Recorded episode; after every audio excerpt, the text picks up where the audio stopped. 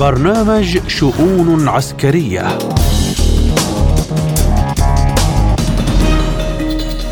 من إذاعة سبوتنيك بموسكو أرحب بكم مستمعينا الكرام. أينما كنتم في حلقة جديدة من شؤون عسكرية أقدمها لكم اليوم أنا محمد جمعة وأبدأها بالعناوين. تطورات الحرب على غزة وتداعياتها في يومها الحادي والتسعين. الدفاعات الجوية الروسية تدمر 37 طائرة مسيرة أطلقتها قوات كييف نحو روسيا. واشنطن توصلت إلى اتفاق لتمديد وجودها العسكري في قطر. ونبدأ بالملف الفلسطيني حيث دخلت الحرب الإسرائيلية على قطاع غزة يومها الحادي والتسعين وتستمر الاشتباكات والقصف الإسرائيلي على مختلف مناطق شمال وجنوب القطاع في ظل كارثة إنسانية وصحية. قال رئيس الوزراء الإسرائيلي بنيامين نتنياهو خلال اجتماع مع السيناتور الأمريكي الجمهوري ليندسي جراهام بأن إسرائيل ستواصل الحرب بكل قوتها من أجل تحقيق جميع أهدافها من جانبه أكد السيناتور الأمريكي التزامه اليوم أكثر من أي وقت مضى بتحقيق الاستقرار في إسرائيل من خلال مواصلة العمل مع إدارة بايدن. في سياق متصل تبحث الإدارة الأمريكية إجراءات الرد في حال اتساع نطاق النزاع في الشرق الأوسط وتمدده في المنطقة. للحديث أكثر عن آخر تطورات الحرب على غزة والشعب الفلسطيني. ينضم إلينا الخبير بالشأن الفلسطيني الإسرائيلي الأستاذ أليف صباغ أهلا بك أستاذ أليف في شؤون عسكرية وأبدأ معك بما قاله نتنياهو خلال اجتماع مع السيناتور الأمريكي بأن إسرائيل ستواصل الحرب بكل قوتها لتحقيق جميع أهدافها هل سيكون هناك وجود إسرائيلي مدني في غزة بعد تحقيق أهداف الحرب؟ السؤال الأساس هل سيحقق بنيامين نتنياهو أهدافه أم لا؟ صحيح إنه بنيامين نتنياهو ذاهب بهذه الحرب حتى النهايه ولكن قد تكون هي نهايته هو وليس بالذات نهاية حماس، اذا الأمر متعلق بما ستكون عليه نهاية هذه الحرب، بنيامين نتنياهو يأخذ معه إسرائيل إما إلى انتصار ساحق ويتحول بذلك إلى ملك إسرائيل وإما إلى نهايته ونهاية الدولة معه. ولكن الأمريكان وجزء كبير من الشارع الإسرائيلي لا يريد أن تذهب إسرائيل مع نتنياهو. لذلك من المتوقع أن يكون هناك يعني جهد لإنقاذ إسرائيل من نفسها أو إنقاذ إسرائيل من نتنياهو وهذا الجهد على ما يبدو يقوده في إسرائيل بيني جانس وفي أمريكا البيت الأبيض يقود أيضا آآ آآ هذا هذا الجهد. وهل اتساع النزاع في الشرق الأوسط يهدد فرص الرئيس الأمريكي جو بايدن لإعادة انتخابه؟ الآن جو بايدن في خطر لإعادة انتخابه بسبب الموقف المعلن mutlak في دعم إسرائيل في هذه الحرب وهي حرب إبادة، الكل مكشوف على وسائل الإعلام أن استرى التيار التقدمي في الحزب الديمقراطي غير راض عن بايدن، الجالية العربية والإسلامية في أمريكا غير راضية عن بايدن، وكل هذه يعني القوى بما في ذلك القوى الشبابية في أمريكا لا غير راضية عن بايدن وهي في الأساس يعني جمهور الحزب الديمقراطي، اذا جزء كبير من جمهور الحزب الديمقراطي سيسقط بايدن بدون أي شك إذا ما امتنع عن الانتخابات أو يعني صوت بغير اتجاه. أنا باعتقادي هؤلاء سيمتنعون عن التصويت لأنه لن يصوتوا إلى الحزب الجمهوري ولكن سيمتنعون من التصويت إلى بايدن. أستاذ أليف واشنطن تحضر خطط انتقامية في حال اتساع نطاق النزاع في الشرق الأوسط. عن أي آلية انتقامية يدور الحديث؟ نعم هي تحضر مع إسرائيل لو قبلت إسرائيل إلى ما يسمى مرحلة المرحلة الثالثة من الحرب على غزة. هم يرونها مرحلة إعادة الانتشار وتحويل الحرب من قصف وتدمير جماعي إلى عمليات عينية، عمليات جراحية هم يسمونها، هذه العمليات هي عمليات اغتيال لقيادات في حماس، لقيادات في العراق في الحشد الشعبي، لقيادات في اليمن و ربما في أماكن أخرى كما حصل في سوريا على سبيل المثال. هذه الاغتيالات وفق النظريات الأمريكية إنه من يقود في مجتمعاتنا العربية والإسلامية من يقود الوقود له تأثير كبير على سير المعارك وعلى مستقبلها. لذلك يركزون على ضرب القيادات التي آه، تبرز كقيادات يعني آه، وحدوية كقيادات قادرة على القيادة وليس لها بديل، على سبيل المثال عندما اغتالوا آه، القائد سليماني يعني فسروا ذلك بأنه هذا قائد لا يمكن أن يكون له بديل بنفس القوة بنفس القدر بنفس الموهبة. وعندما اغتالوا العاروري أيضا قبل أيام قالوا في إسرائيل إنه هذا القائد الوحدوي لا بديل له في حماس. لذلك اغتيال القيادات التي تشكل رموز آه، وحدوية وقيادات موهوبة آه، آه، بالنسبة لهم وفق نظريتهم هو مفيد ليس فقط لسير المعارك وإنما لنتائج هذه المعارك. كلنا يعرف المثل الذي يقول دق الحديد وهو حامي، لماذا هذا التخوف المزمن من دق الحديد؟ ولا سيما الولايات المتحدة الآن منخرطة في ثلاث بؤر ساخنة أخرى في الشرق الأوسط وفي أوكرانيا أيضا وبحر الصين وغيرها. الولايات المتحدة تضع الصين وروسيا في أولوياتها للحفاظ على النظام أحادي القطب. وهي تعلم انه أي تراخي أمام الصين وروسيا عمليا سيحول العالم إلى عالم متعدد الأقطاب وستخسر فيه الولايات المتحدة هيمنتها في كل مكان. لذلك هي لا تريد حروبا إقليمية إلا إذا كانت هذه الحرب الإقليمية في خدمتها.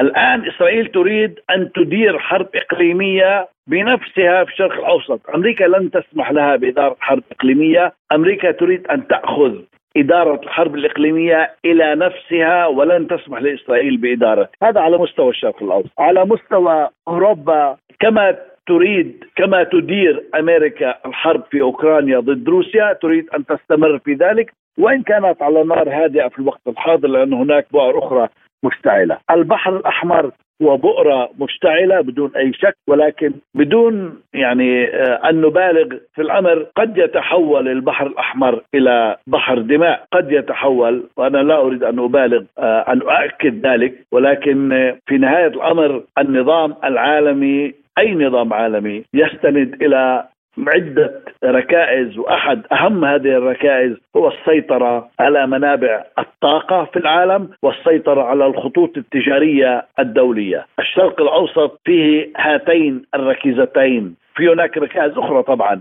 ولكن في هاتين الركيزتين آه، منابع الطاقة والخطوط التجارية الدولية. البحر الأحمر هو أحد أهم الخطوط التجارية الدولية والممر الاقتصادي من الهند إلى الشرق الأوسط إلى إسرائيل وإلى أوروبا. المزمع إقامته هو أحد أهم الخطوط التجارية البرية في العلاقة بين الشرق والغرب، لذلك أمريكا تريد أن تدير الحرب الإقليمية بما يتفق مع مصالحها الدولية والاستراتيجية للحفاظ على هيمنتها الكاملة في الشرق الأوسط، للحفاظ على القطبية الواحدة في النظام الدولي، هذا ما تريده أمريكا، اسرائيل يعني مثل ما بقول المثل مدت رجلها آه، وتريد أن تكون شريكة وقائدة في هذه الحرب، أمريكا لن تسمح لها أن تكون قائدة ولكن ستسمح لها أن تكون شريكة في الغنائم. الطاقة في الشرق الأوسط آه، إذا نجحت أمريكا ستكون تحت الهيمنة الأمريكية وإسرائيل شريكة في ذلك والممرات التجارية الدولية إسرائيل ستكون شريكة في ذلك.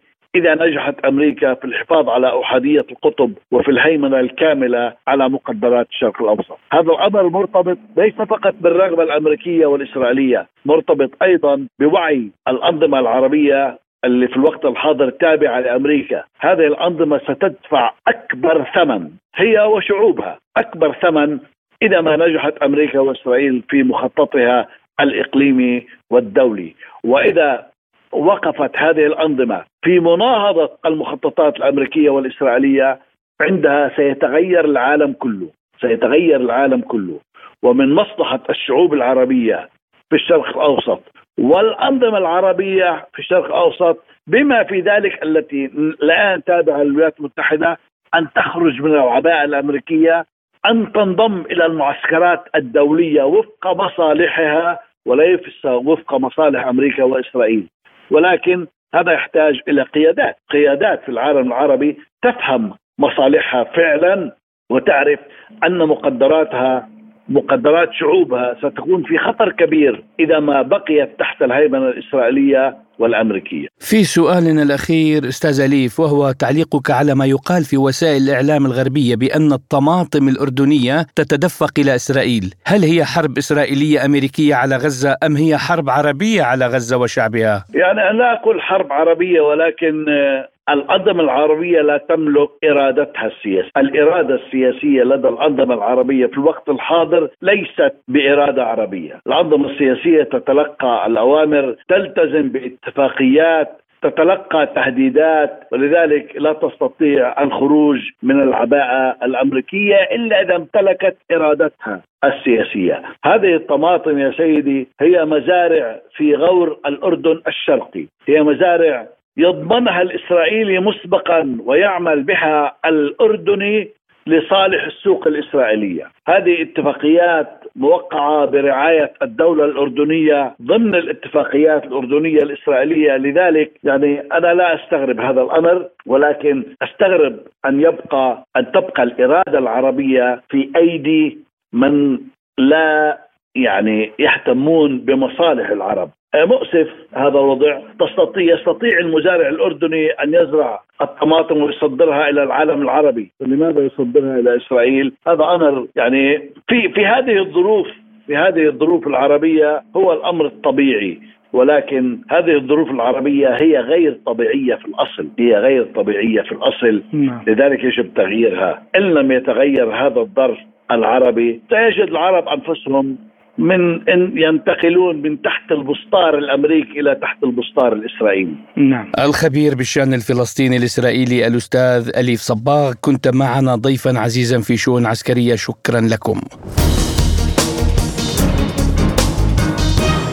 وإلى الحرب في أوكرانيا حيث أعلنت وزارة الدفاع الروسية اعتراض وتدمير 36 طائرة مسيرة أطلقتها قوات كييف فوق شبه جزيرة القرم وطائرة أخرى فوق مقاطعه كراسندار لتنفيذ هجوم إرهابي باستخدام طائرات مسيرة ضد أهداف على أراضي روسيا الاتحادية. هذا وتستهدف القوات الأوكرانية بشكل شبه يومي المناطق الحدودية الروسية في مقاطعات بيلغورود وبريانسك وكورسك وفارونيج ورستو الخوف وشبه جزيرة القرم بالطائرات المسيرة وبالصواريخ. طبعا كيف تتبع أساليب إرهابية في مقدمتها استخدام المسيرات الهجومية والقصف المدفعي ضد المدنيين والمنشآت المدنية في روسيا؟ في سياق متصل صرحت وزارة الدفاع الألمانية بأن الحكومة الألمانية زودت كييف بعشرة آلاف قذيفة لدبابات اليابرد من عيار 115 ملم وعشرات الشاحنات ومئات البنادق الهجومية والآلاف من الألبسة العسكرية الشتوية والخوذات.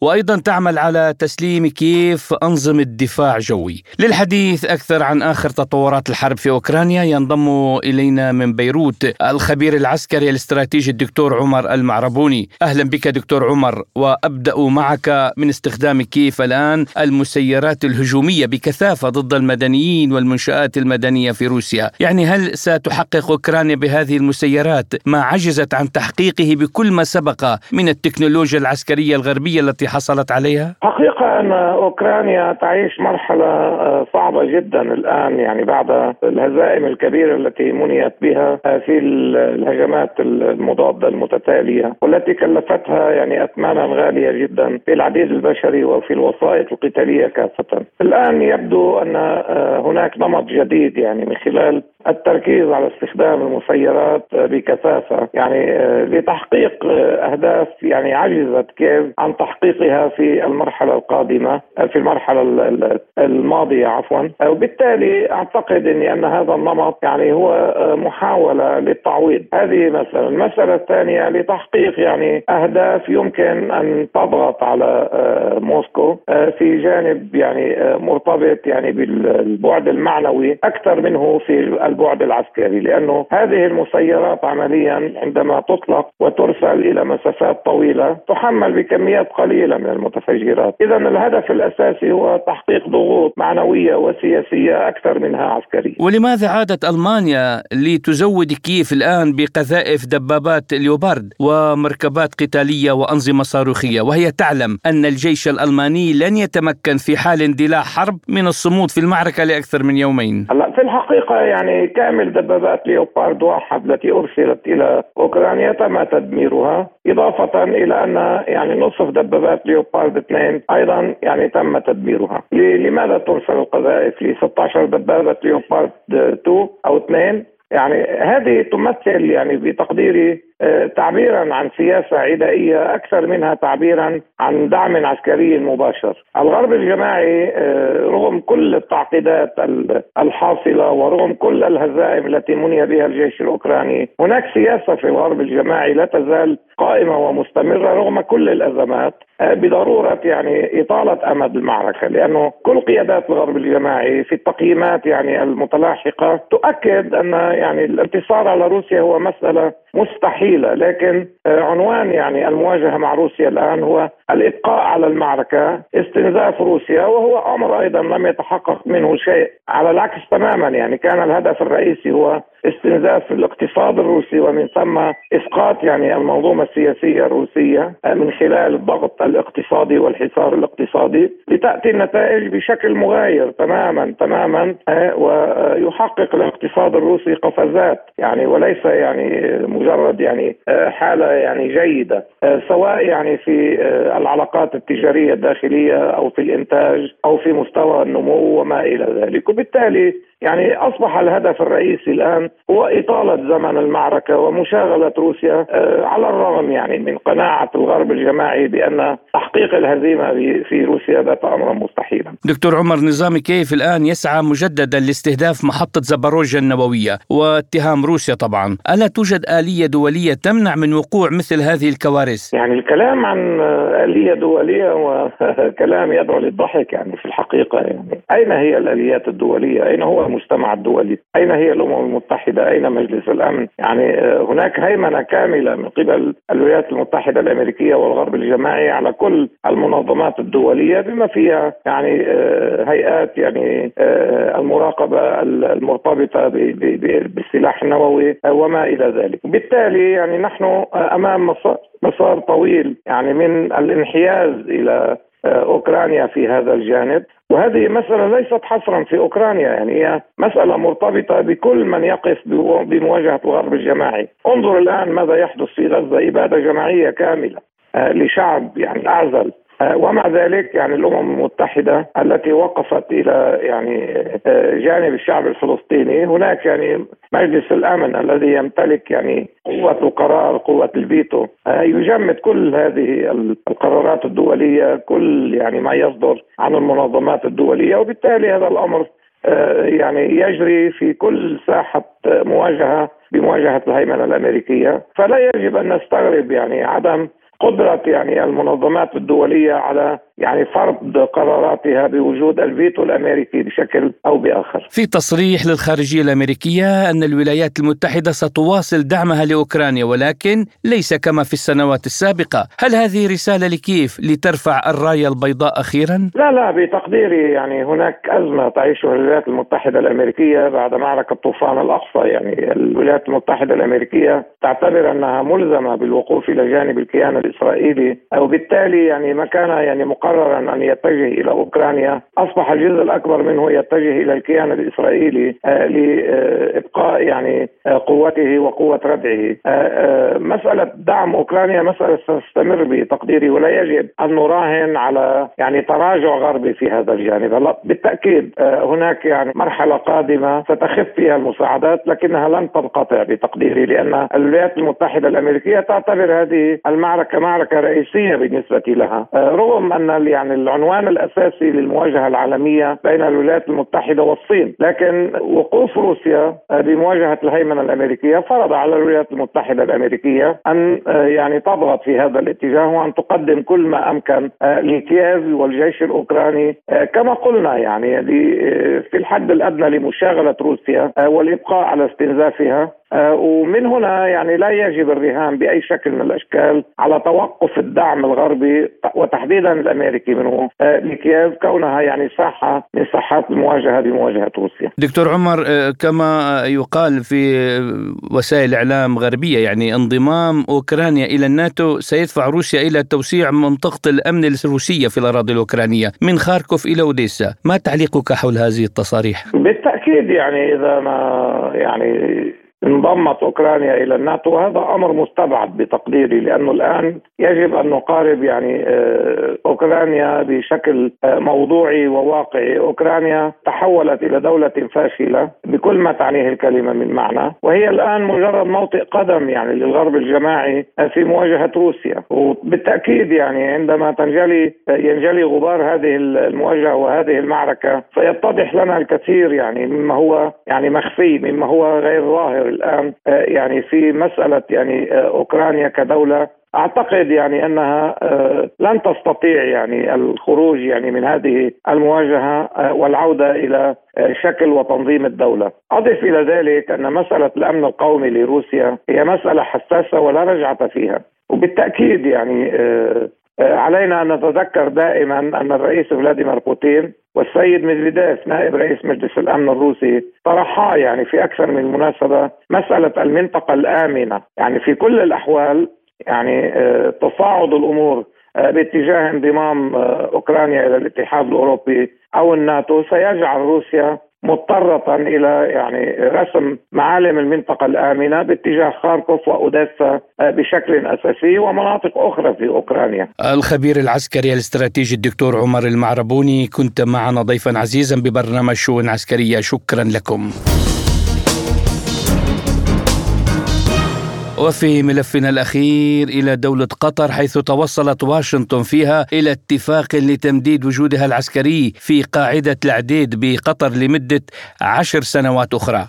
طبعا تعد قاعدة الإعداد الجوية الواقعة في الصحراء جنوب غرب الدوحة من أكبر أو أكبر منشأة عسكرية أمريكية في الشرق الأوسط ويمكنها استيعاب أكثر من عشرة آلاف جندي أمريكي. يأتي التمديد في الوقت الذي عززت فيه الولايات المتحدة وجودها في المنطقة وسط تصاعد التهديدات من فصائل المقاومة المدعومة من إيران في العراق وسوريا واليمن. للحديث أكثر عن هذا الموضوع ينضم إلينا من القاهرة المتخصص في العلاقات الإقليمية والدولية الدولية الخبير بالشأن الأمريكي الدكتور محمد السيد أحمد. أهلا بك دكتور محمد في شؤون عسكرية. وأبدأ معك من توصل واشنطن إلى اتفاق لتمديد وجودها العسكري في قطر. يعني ما هي مصلحة قطر في تواجد أكبر منشأة عسكرية أمريكية في الشرق الأوسط؟ وهي بعلاقات جيدة مع الجميع. آه يعني خلينا نؤكد على أنه لا زالت قطر آه يعني آه بتعتبر نفسها يعني أحد القواعد الأمريكية في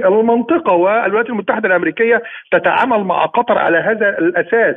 والمكانة التي حصلت عليها الولايات حصلت عليها قطر جاءت من أجل الحماية الأمريكية لها. والوجود الأمريكي على الأرض القطرية هو الذي منح قطر هذه المكانة في وسط آه هذه المنطقة يعني آه قطر دويلة صغيرة لا يمكن أن يكون لها مثل هذا التأثير في الأحداث آه الإقليمية والدولية التي تحدث في منطقة الشرق الأوسط إلا أنها لا زالت حتى اللحظة لاعب أساسي حتى في إطار العدوان على غزة والحرب على غزة. أحد أهم الدول التي يعني تقوم بالوساطة ما بين العدو الصهيوني وما بين المقاومة الفلسطينية وفصائل المقاومة الفلسطينية هي قطر وبالتالي قطر لها دور مهم جدا وهذا الدور بتستمد من الوجود الأمريكي والوصايه الأمريكية عليها وبالتالي فكرة تجديد يعني وجود القواعد العسكرية الأمريكية أكبر قاعدتين في للولايات المتحدة خارج أراضيها موجودين على الأرض القطرية وبالتالي هذا الارتباط الوثيق ما بين قطر والولايات المتحدة الأمريكية الامريكيه لا يمكن يعني فض هذا الاشتباك حتى في إطار التغيرات الكبرى التي تحدث على المستوى الدولي ووجود خريطة دولية جديدة متعددة الأقطاب لم تظهر ملامحها بعد. آه، آه، روسيا والصين موجودين في المشهد لكن لا زال القطب الأوحد يقول أنه موجود وأن له أتباع في هذه المنطقة وأن له آه، يعني دور كبير جدا لا زال يمارس وهيمنة وسيطرة لا زالت تمارس والقرار يؤكد هذا ويدعمه. دكتور محمد ذكرت دور قطر في الوساطة، ألا يدل هذا التمديد على عدم استقلالية دولة قطر ويفقدها دور الوسيط في المحادثات الفلسطينية الإسرائيلية؟ هي تنفذ الأجندة الأمريكية آه، الصهيونية وهذا التنفيذ الذي تقوم به للأجندة الأمريكية آه، يعني آه، يؤكد بالفعل عدم استقلاليتها ويؤكد أن اللاعب الأمريكي هو المتحكم الأول والأخير في ما يحدث في المنطقة وبالتالي يعني فكرة الوساطة هي وساطة برعاية أمريكية والعدو الأمريكي هو الوحيد الذي يمكن بالفعل إيقاف الآلة العسكرية الصهيونية ويمكن بالفعل التأثير في آه، ما يحدث داخل منطقة الشرق الأوسط وما يحدث بالفعل على الأرض آه، الفلسطينية المحتلة من عدوان صهيوني. أعتقد أنه آه، يعني يأتي بفضل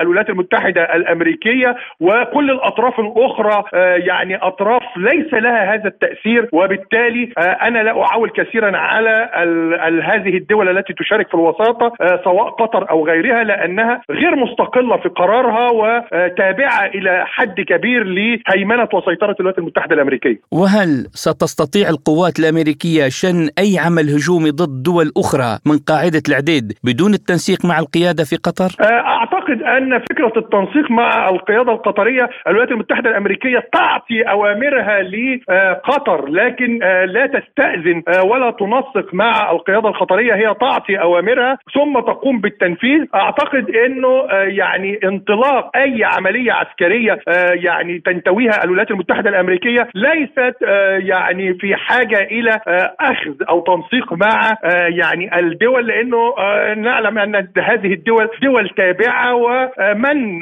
يضع هؤلاء على كراسي السلطة هم الإدارة الأمريكية وبالتالي هذه الإدارة الأمريكية ليست بحاجة بأي شكل من الأشكال من أن تنسق أو تأخذ يعني رأي هؤلاء هم سينفذون لأنهم يعلمون أنهم يجلسون على مقاعد السلطة بفضل الولايات المتحدة الأمريكية. منذ متى تحتاج أمريكا لاتفاق حول إبقاء قواتها أو قواعدها على أراضي أو أرض دولة عربية أو إسلامية، وهي الآمر الناهي على أراضي كل هذه الدول؟ آه، بالفعل يعني الولايات المتحدة الأمريكية هي الأمر الناهي آه، فيما يتعلق بكل التحركات التي تحدث آه، من هذه الدول وحتى سياسات هذه الدول الخارجية مستمدة من قبل الولايات المتحدة الأمريكية ولا يمكن أن يخالفوا تعليمات السيد الأمريكي فالسيد الأمريكي هو الذي آه، يعني يقدم لهذه الدول آه، يعني الأجندة التي يتحركون وفقا لها وكل تحركاتهم لابد أن تكون آه، يعني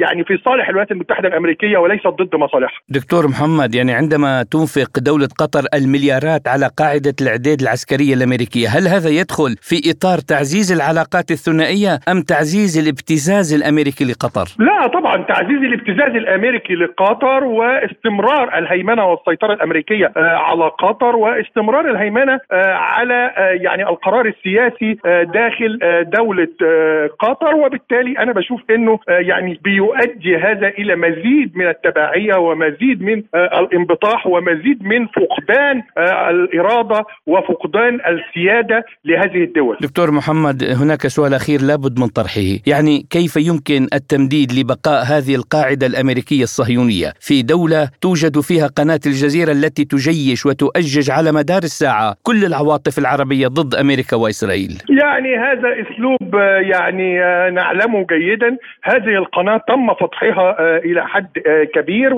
ويعني ما تقوم به هو جزء من آه، يعني الآلة الإعلامية الغربية والأمريكية التي تعمل على مدار الساعة ل يعني تأجيج وتزييف وعي الرأي العام آه، العالمي والعربي. إحنا شايفين آه، يعني آه، كانت هناك قضايا ساخنة على الساحة الدولية مثل الحرب الروسية الأوكرانية ثم في منطقتنا كانت الأزمة في السودان والأزمة في في ليبيا والأزمة في سوريا هذه الأزمات الكبرى اختفت من على الخريطة الإعلامية بفضل الآلة الإعلامية الجهنمية الجبارة التي تقودها الولايات المتحدة الأمريكية وأتباعها وأحد هذه الأتباع قناة الجزيرة القطرية التي آه، يعني تعمل دائما في آه، صالح الأجندة الأمريكية والصهيونية ويعني كل ما يتم تنفيذه هو لصالح المشروع الأمريكي والصهيوني. المتخصص في العلاقات الإقليمية والدولية والخبير بالشأن الأمريكي